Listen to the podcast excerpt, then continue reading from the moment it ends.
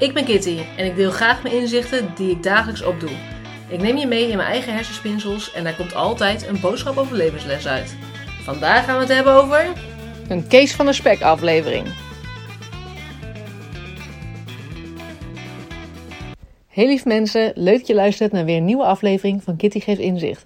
En vandaag gaan we het hebben over een aflevering van Kees van de Spek. En dat ging over een meneer die vanuit het buitenland uh, mensen hielden met uh, kanker. En uh, dat een mevrouw vanuit Nederland, die kwam daarachter dat dat zo was. Vanuit haar netwerk en omdat ze zelf ook iemand was in dat kankerproces.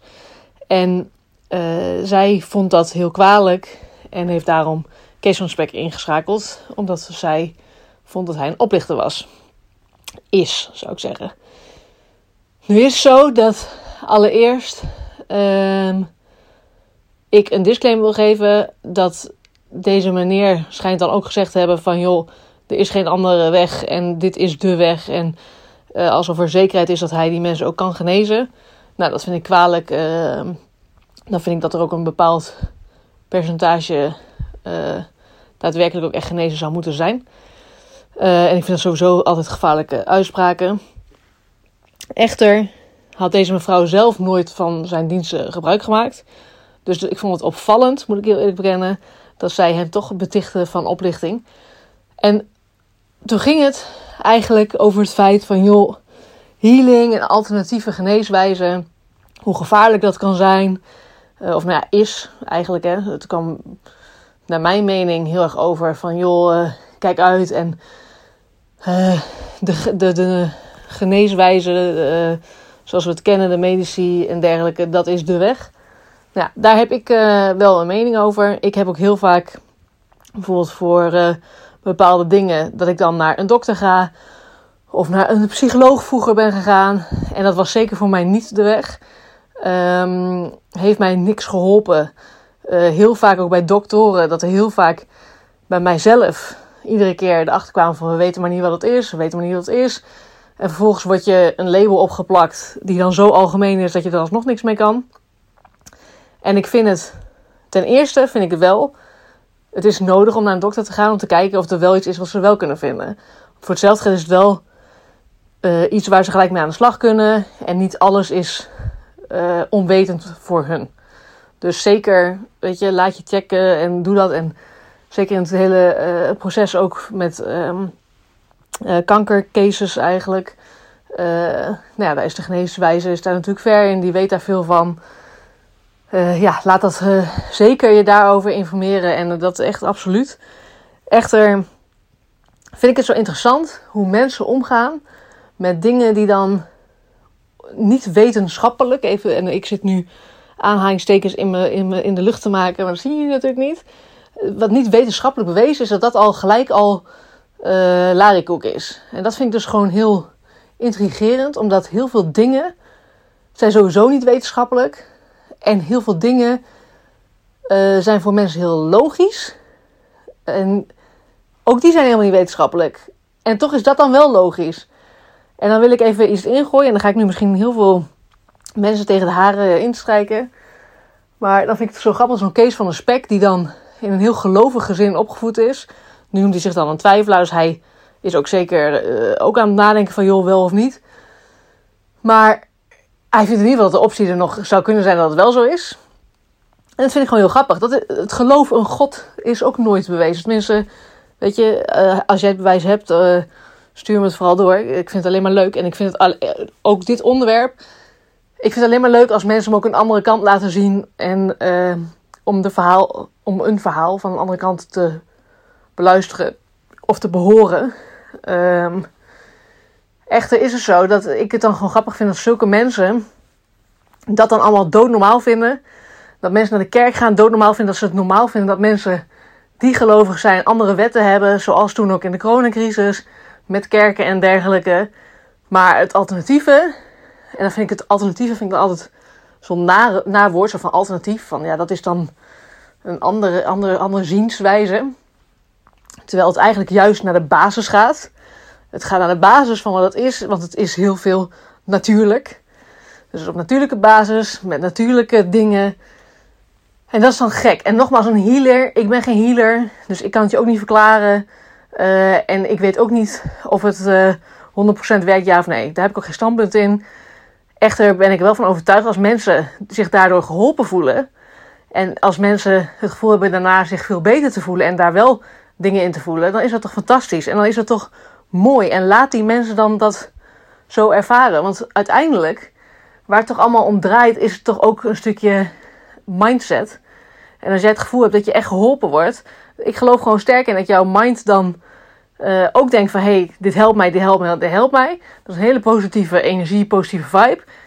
Positieve trilling in energie. Die gewoon daadwerkelijk jou beter kan laten voelen. En ik zeg niet, nogmaals, ik zeg niet dat het je kan genezen van alle ziektes. Uh, maar ja, wie weet, bij sommige mensen ook wel. Ik heb geen idee. Maar dat er zo strak dan ingestaan wordt en dat mensen ook gelijk oplichters worden genoemd en noem het allemaal op. Terwijl we zijn allemaal energie, het is allemaal trilling. Uh, en nogmaals, ik geloof echt heel sterk in mindset. Uh, en dat ik, ik heb ook echt met lichamelijke klachten die ik had. Ik had hele erge, hele erge buikkramp, dat huilen aan toe. En door, dat is dan Arizona is dat, heb ik geleerd van joh, manifesteren loslaten eigenlijk. Namelijk een stukje van joh, accepteren en vervolgens nou ja, het, het ook een plekje kunnen geven, loslaten, et cetera. Waardoor ik gewoon heel anders één naar pijn ben gaan kijken, heel anders naar dat soort momenten. En dat veel beter aan kan dan dat ik dat kon.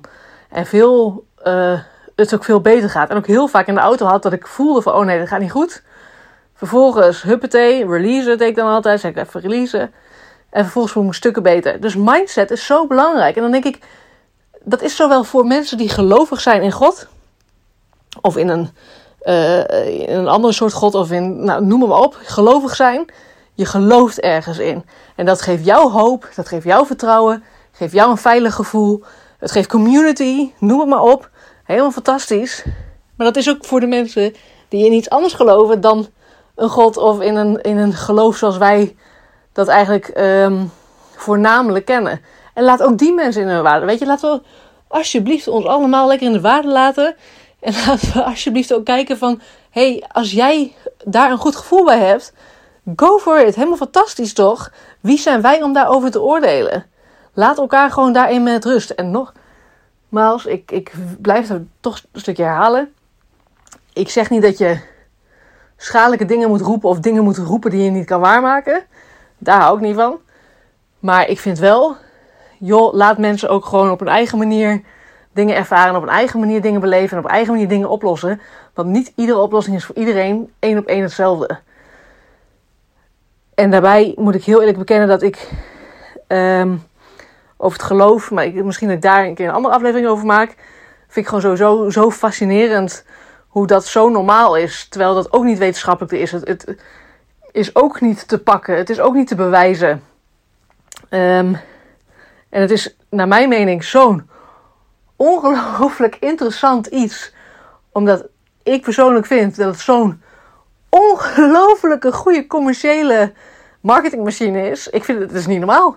Ik denk dat het de beste marketingmachine is ever. We hebben, Las Vegas is een hele goede marketingmachine.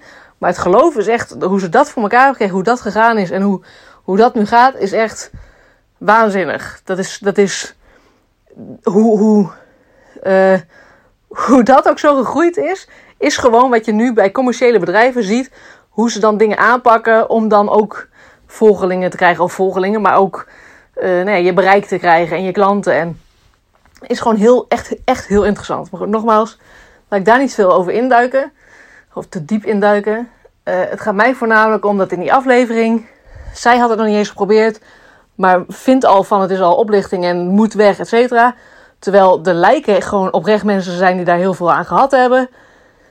En dan denk ik toch zelf, joh, laat elkaar alsjeblieft in hun waarde. En laten we dingen die niet wetenschappelijk zijn, wil niet zeggen dat het er niet is of dat het niet bestaat of dat het niet kan. En als iemand er baat bij heeft, heeft iemand er baat bij.